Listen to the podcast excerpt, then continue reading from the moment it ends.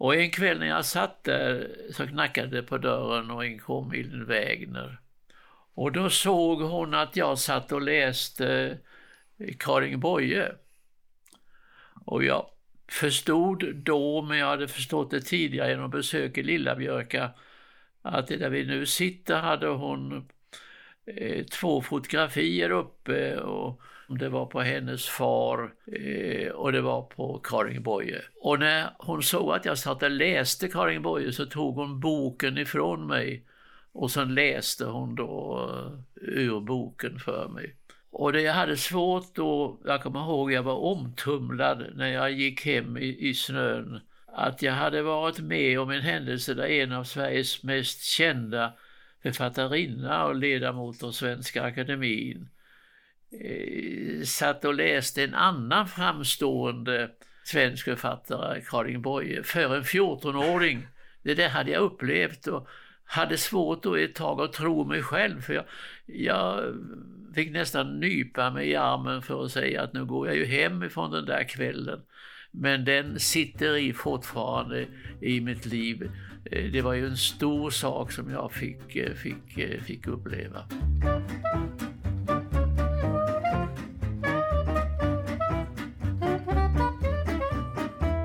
Din podd på jorden är Kulturparken Smålands podd om Kronoberg. Här pratar vi om stort som smått inom länets kulturhistoria, från forntid till nutid.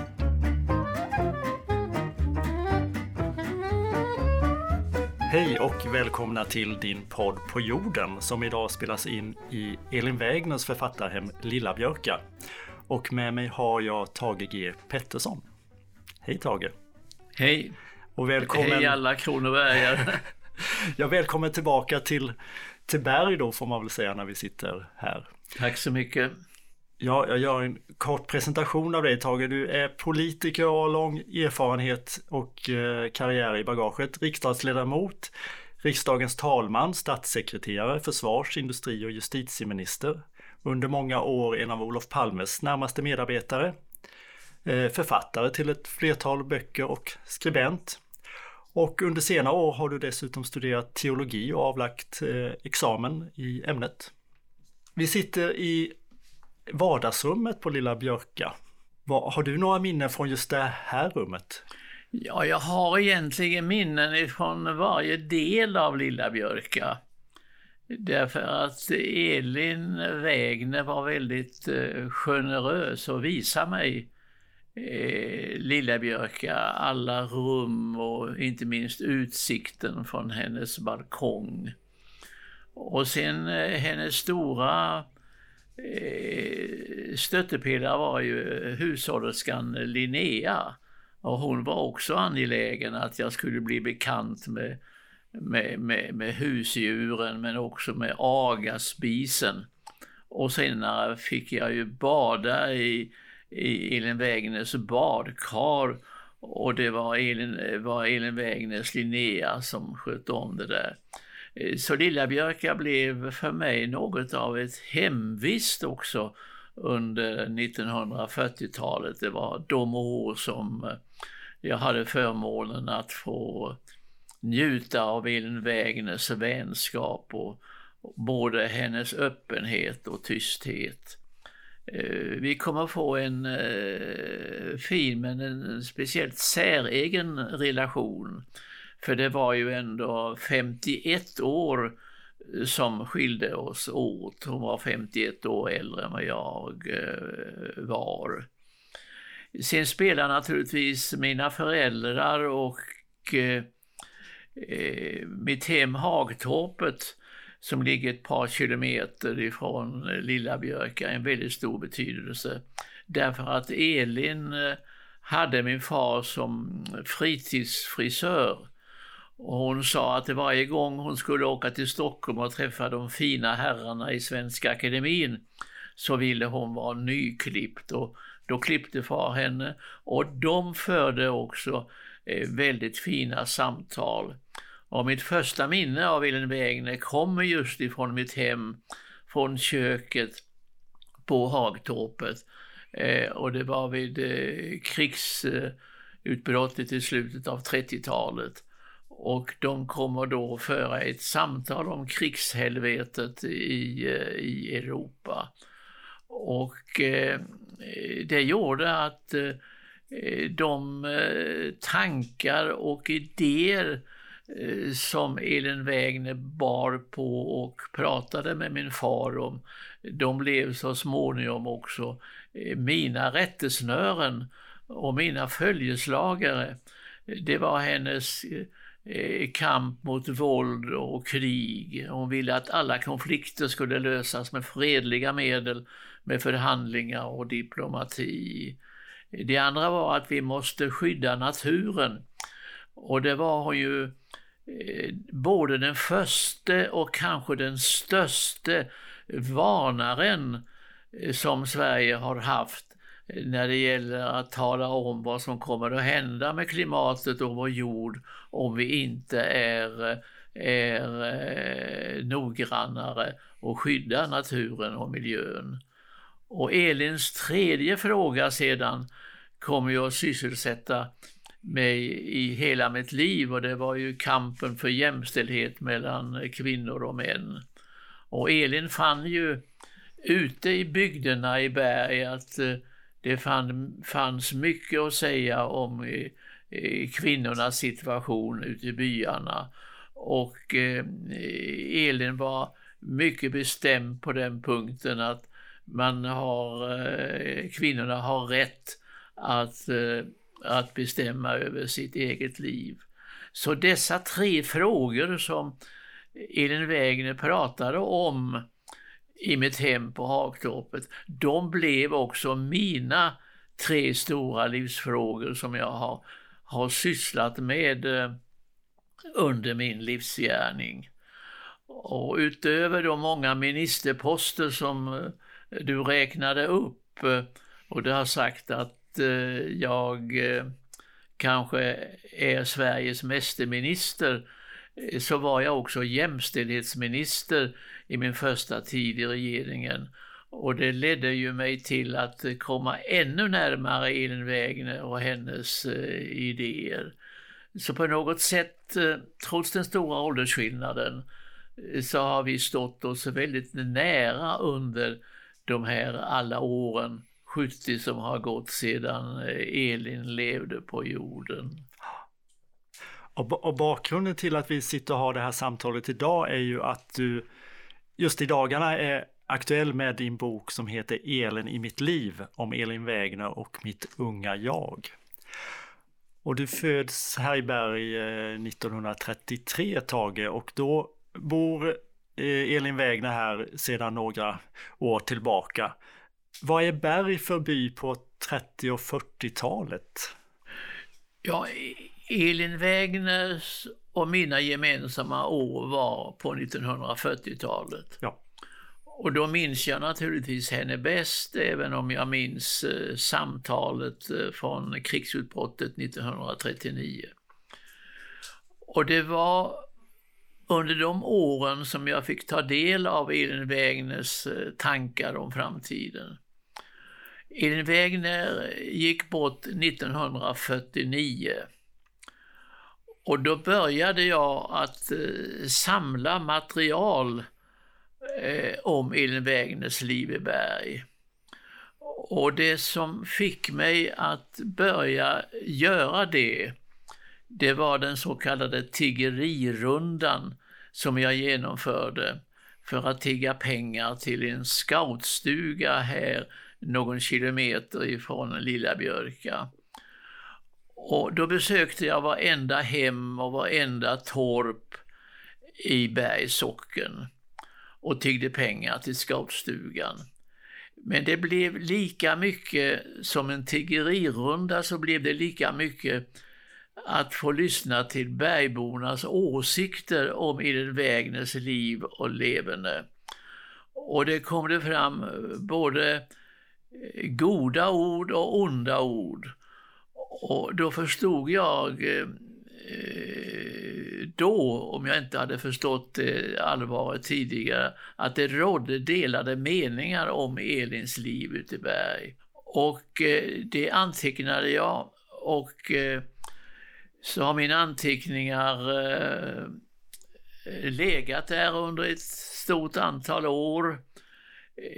Jag Eh, pratade med väldigt mycket folk och som du ser av bokens källförteckning så har jag noterat vilka jag pratade med och det framgår de här insamlingslistorna. Men sen har jag fått små samtal och intervjuer.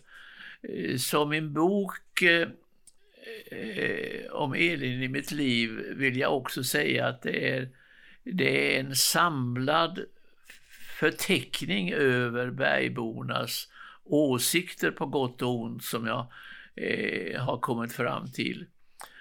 Eh, jag har funderat många gånger om jag ska ge ut det eller inte. Eh, många gånger och jag har legat vaken många nätter och funderat på om jag verkligen ska skriva en bok, om inte det tillhör eh, Eh, mitt inre på något sätt eller eh, jag vill för allt smör i Småland inte göra bergborna illa därför att eh, berg är den socken som, som jag är född i och som jag älskar mycket och som jag ofta återvänder till och då vill jag skriva så korrekt som möjligt.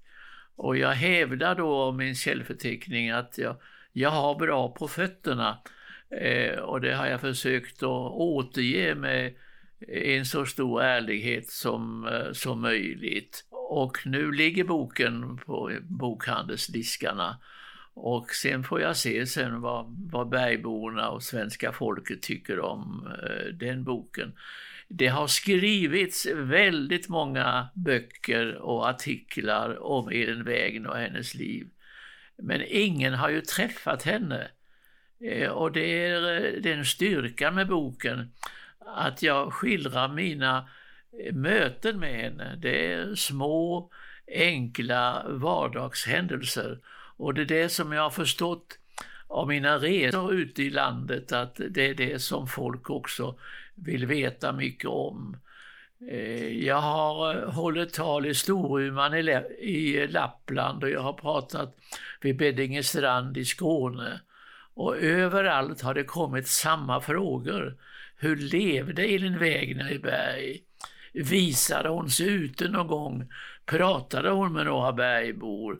Och det är de frågorna jag försöker och, eh, och eh, närma mig och, och ge ett så korrekt svar som möjligt på. Och du, eh, du beskriver ju bland annat i boken hur hon är ute och går och vandrar väldigt mycket i i byn och hon har ju starka åsikter om, eh, ja inte minst om hur, som du säger, miljö, fred och, och jämställdhetsfrågorna. Hur mottogs det i byn? Jag tänker så här med, utifrån dagens perspektiv så, så upplever jag ju från, utifrån boken att hon ändå är en, en udda fågel i, i, i berg. Ja, både och. Eh, Vandringarna var för Elin en nödvändighet. Eh, hon var tvingad att eh, gå ut och gå och det använde hon eh, inte uttrycket vill gå utan hon sa jag måste gå. Elin hade som så många andra både negativa sidor men drabbades också av depressioner och sjukdomar. Och det gjorde att eh, många i Berg trodde att hon eh, ville bota sina sjukdomar genom att gå. Och det var inte så då att hon gick för att prata med folk ute i byarna. Många gånger så gick hon eh, tyst. Eh, hon kom till många bönder och småbrukare för att hjälpa dem att bärga hö eller volma hö. Och då bara kom hon med sin räfsa sa inte ett ord och sen lämnade hon gården utan att säga ett enda ord. Eh, på så vis så odlade hon sin tysthet i det tysta. Hon ville ha tyst. Jag har aldrig träffat någon människa sedan eh, mitt umgänge med Elin Wägner som hade den förmånen eller förmågan att eh, liksom gripa det vackra i naturen i tysthet. Ibland kunde hon stå som en stenstod ut med vägkanten och bara titta ut över, över det vackra. och det var det som hon, hon levde på något sätt. Så det ena för att rädda henne ur svåra kriser, det var hennes vandringar i berg. Den andra biten som kom att rädda henne, det var hennes medlemskap i, i vännernas eh, samfund, det vill säga kväkarna. Hon gick med i kväkarna 1936 och sen var hon då eh, aktiv medlem eh, fram till sin död. Men hon gick inte ur Svenska statskyrkan. Hon vände inte statskyrkan ryggen utan snarare tvärtom. Att eh, när vi satt på kyrkbänken på Bergs kyrkogård, hon och jag, och jag fick lyssna till henne, eh, så hade hon långa utläggningar om kyrkan och prästernas eh, eh, betydelse eller oönskade aktivitet. Så hon blev med åren mer kyrksam än hon egentligen hade varit tidigare. Hon kom ifrån en prästsläkt och många trodde ju då att eh, Eh, hon eh, skulle finnas kvar fram till sin död i den prästsläkten. Men då fanns eh, kväkarna med, men då fanns hon också med sin egen inställning till religion och där stod hon exempelvis väldigt nära Mahatma Gandhi och den, det som han företrädde. Så hon var en mångskiftande person men hon höll god ordning på sina tankar och därför var det så lärorikt att få, få umgås med henne.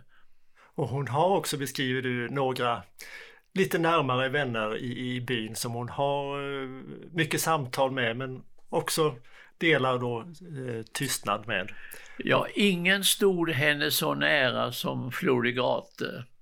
Eh, de hade träffats och Eh, fick en fin vänskap. Eh, Flori flyttade till Berg eh, och köpte sig så småningom en, en gård uppe i Rösås. Och eh, Flori blev, som hon sa flera gånger, att hon hade fått eh, fått ärva en, en, en, en färdigvuxen dotter som berikade hennes liv. Eh, den andra som hade stor betydelse eller, i hennes liv, det var Johan eh, Johansson i Lillamålen.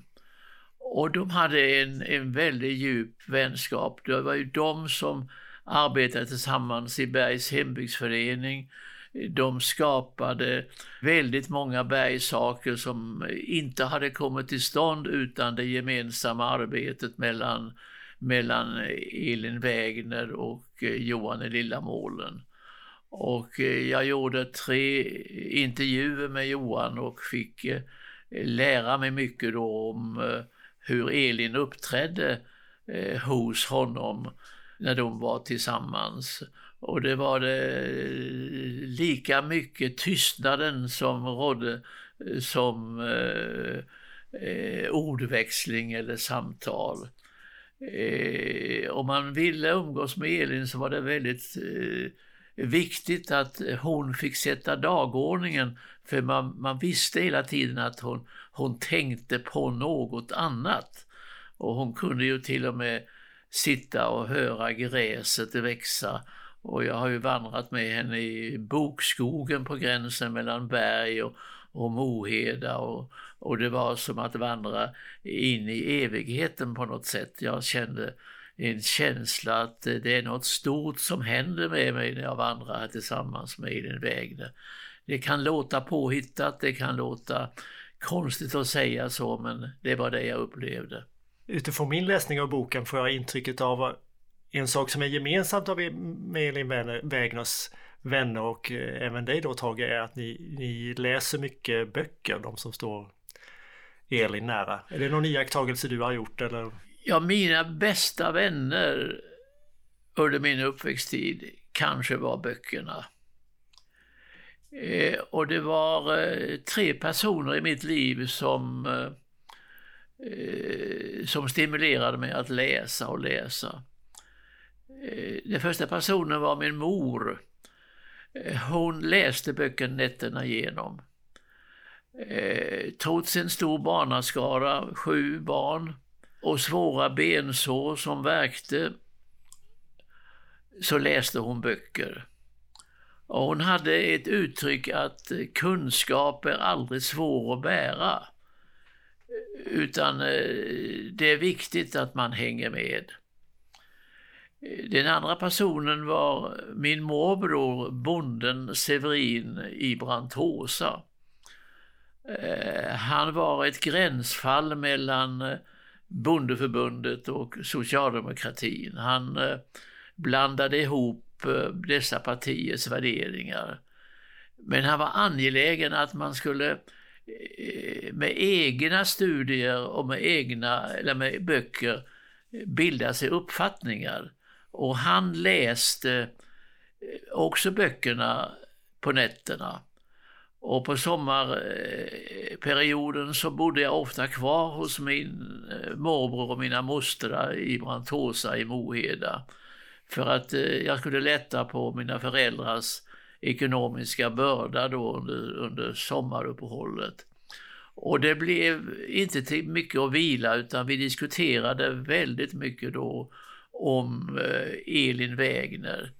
Men eh, Brantosa han, han hatade nazisterna över allting annat. Och Eh, han var en eh, stor snusare och snu, spottade inte snuset på Göteborgs sjöfarts och handelstidning för det var den store nazistjägaren Torgny Segerstedt chefredaktör. Han spottade på Växjötidningarna för de tyckte han, de må väl förlåta honom, men han, han, han, eh, han ägde en gård med mycket sten på när han sprängde och jagade bort stenarna sa han att det är viktigt det här att få död på varenda jävel, det var det han kallade stenarna, och så man inte lämnar kvar någon flisa. Och det är likadant med nazismen, man måste eh, rensa ut dem så att inte de finns kvar i något sammanhang. Och han åberopade då skrifter och böcker.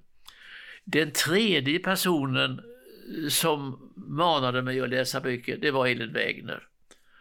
Och eh, jag kommer ihåg en gång när jag besökte henne eh, uppe i Rösås hos Florigate. Så säger hon att innan du ger dig an politiken så måste du utbilda dig och du måste läsa böcker, du måste läsa skönlitteratur och du måste läsa lyrik och, och mycket mer. Så min mor, min morbror Severin och Elin Wägner var de som var upphov till mitt stora läsintresse och det har sen följt mig eh, livet eh, ut. Jag är fortfarande en, en, en stor eh, bokläsare måste jag nog få säga.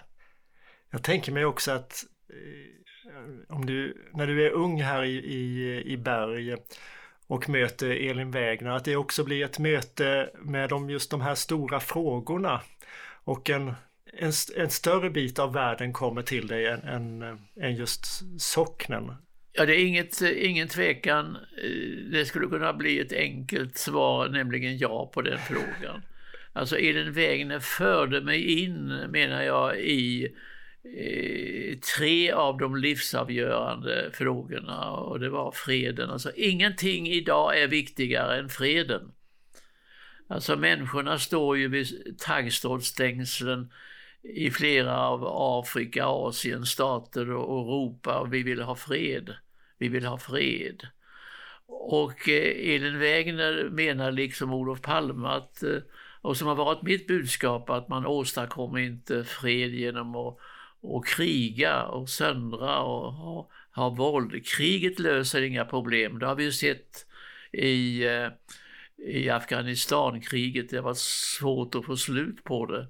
Västmakterna har ju hållit på i, i 20 år utan att vi har fått någon hållbar fredlig lösning. Elin Wägner visade vägen att man, man, man, man, måste, man måste samtala, samtala med folk. Den andra frågan är då miljön och naturen. Och det är alltså ingen diskussion om att här var Elin Wägner den store varnaren vi får ju se mycket av det som hon varnade för. Det händer ju nu med översvämningar, stora bränder, Golfströmmen hotas och mycket, mycket mer. Och sen det tredje då, eh, kvinnornas situation.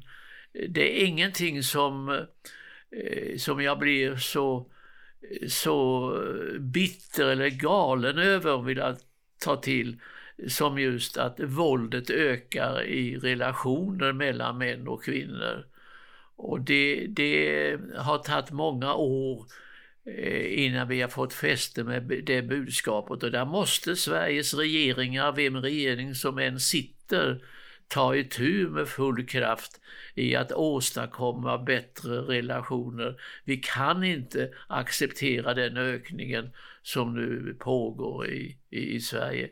Dessa tre stora frågor som du nämner om var en vägen stora frågor, men de har också blivit mina stora frågor i mitt långa politiska liv. När du träffade Elin Wägner, fanns det liksom något, något speciellt sätt ni brukade umgås på eller träffa? Kan du ge något exempel på något möte med Elin? Det kan jag göra in i detalj. Eh, mestadels var det möten som bara kom. Vi mötte varandra utan planering på kyrkogården i Berg. Och vi satt på en bestämd soffa som regel. Och då har jag en ensam bild i, i boken om, om det. Det fanns några undantag. Det var när jag eh, skulle sälja Bergs krönika. Och det finns eh, protokolls utdraget i boken som Elin skrev det protokollet. Eh, då kom hon hem till Hagtorpet och ville träffa mig. Och jag besökte då Lilla Björka, mycket nervös. Därför min mor undrade vad i all världen jag nu hade hittat på. Eftersom Elin ville planerat att jag skulle komma och prata med henne. Det andra var eh, när vi skulle vandra i bokskogen mellan eh, Eh, bergs och Moheda socknar. Då eh, kom hon och sa att nu har jag bokat en bil som kommer att köra oss eh, till gränsen och jag vet att du har morbror och mostrar där precis och där vill jag att du visar mig. Och sen var det en gång när hon ville vi skulle vandra upp genom Röde mossen förbi den gamla fattigstugan och sen eh, gå förbi Tildas i Hagstad. Eh, Tilda dog 1942 men eh, tomten eh, kallades för Tildas i Hagstad. Och då ville, då ville Elin att eh, jag skulle visa henne dit. Så det fanns vid några, men det var få tillfällen då vi hade bokat in träffarna och då var det naturligtvis Elin själv som önskade dem. Och sen var det annat att vi träffades på, på, på, på kyrkogården framför allt. Du skriver också om i, i boken att Elin är eh, deprimerad stundtals under sin tid här och att du också möter henne i eh, byn på en speciell plats där hon är ganska omtöcknad. Ja, hon hade psykiska åkommor som sen slommade ut i neuroser och, eh, och, och eh, massa eländiga saker. Men sen drabbades hon ju också av svår cancer.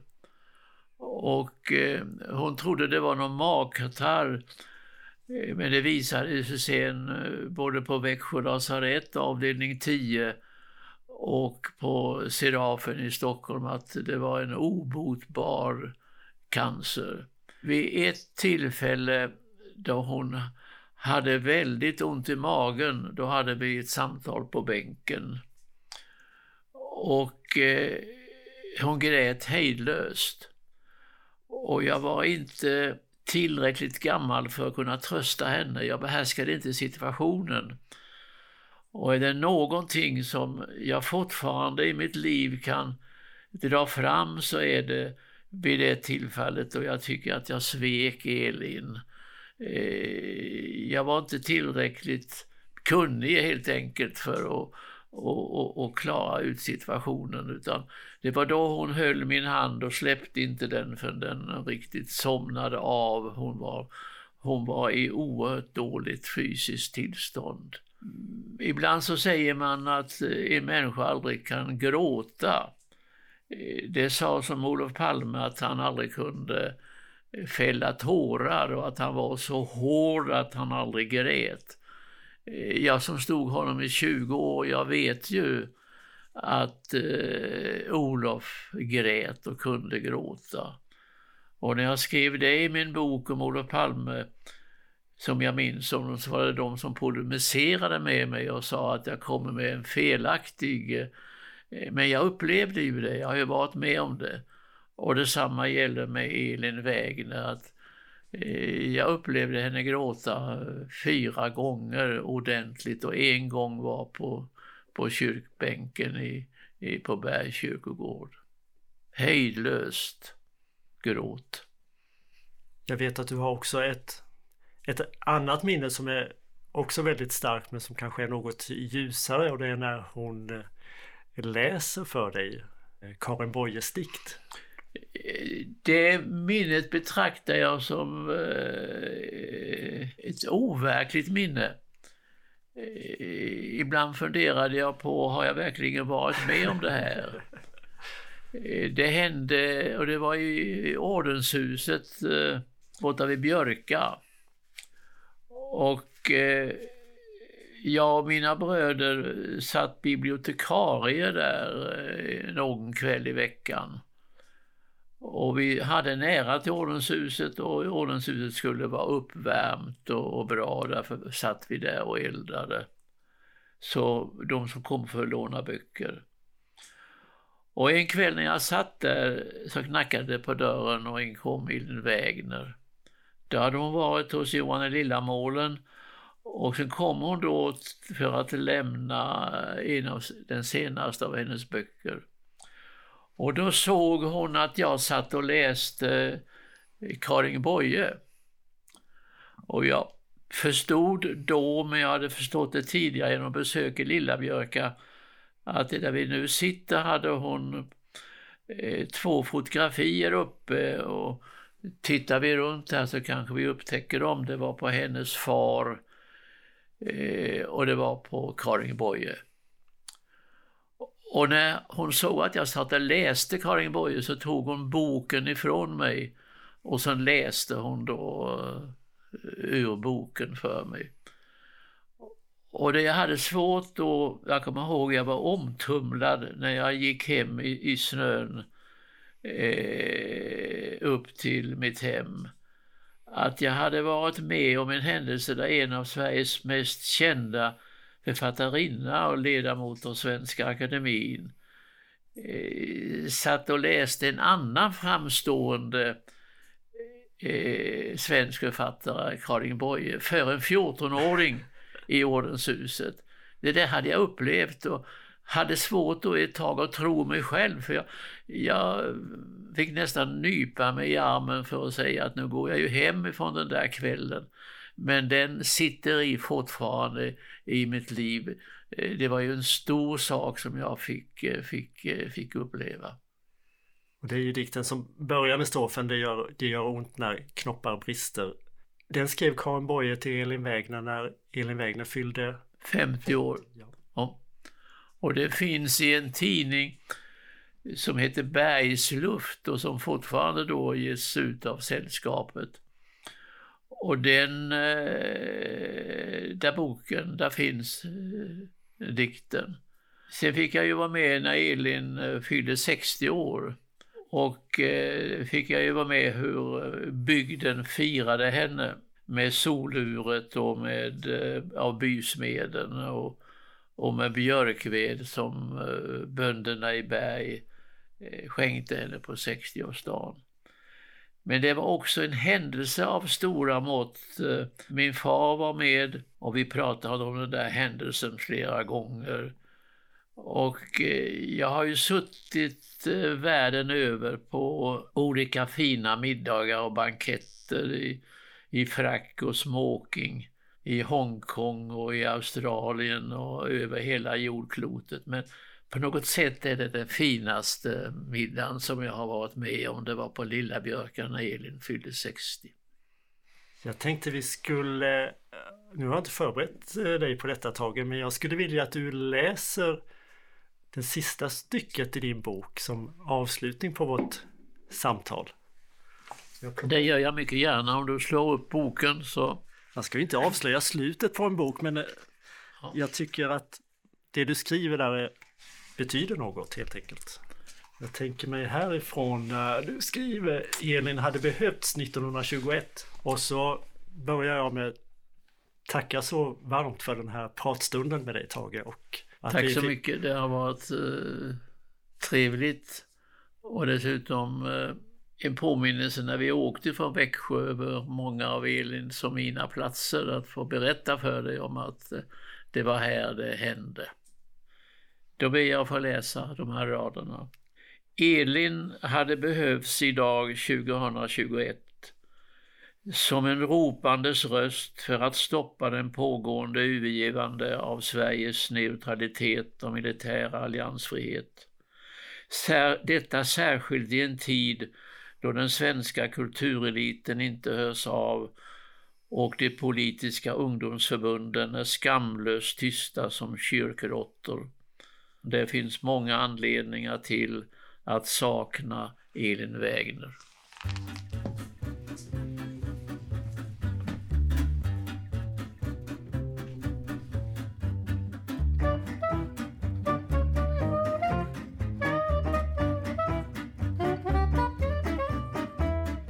Du har lyssnat på Din podd på jorden, Elin i mitt liv. Inspelningen är gjord 17 september 2021 i författaren Elin Wägners hem Lilla Björka i Berg, Småland. Medverkande Tage G Pettersson, Teknik och produktion Kim B Lindstedt, programledare, producent Petter Eriksson. Vi tackar stiftelsen Lilla Björka och Birgitta Hansson för välkomnande och gästfrihet.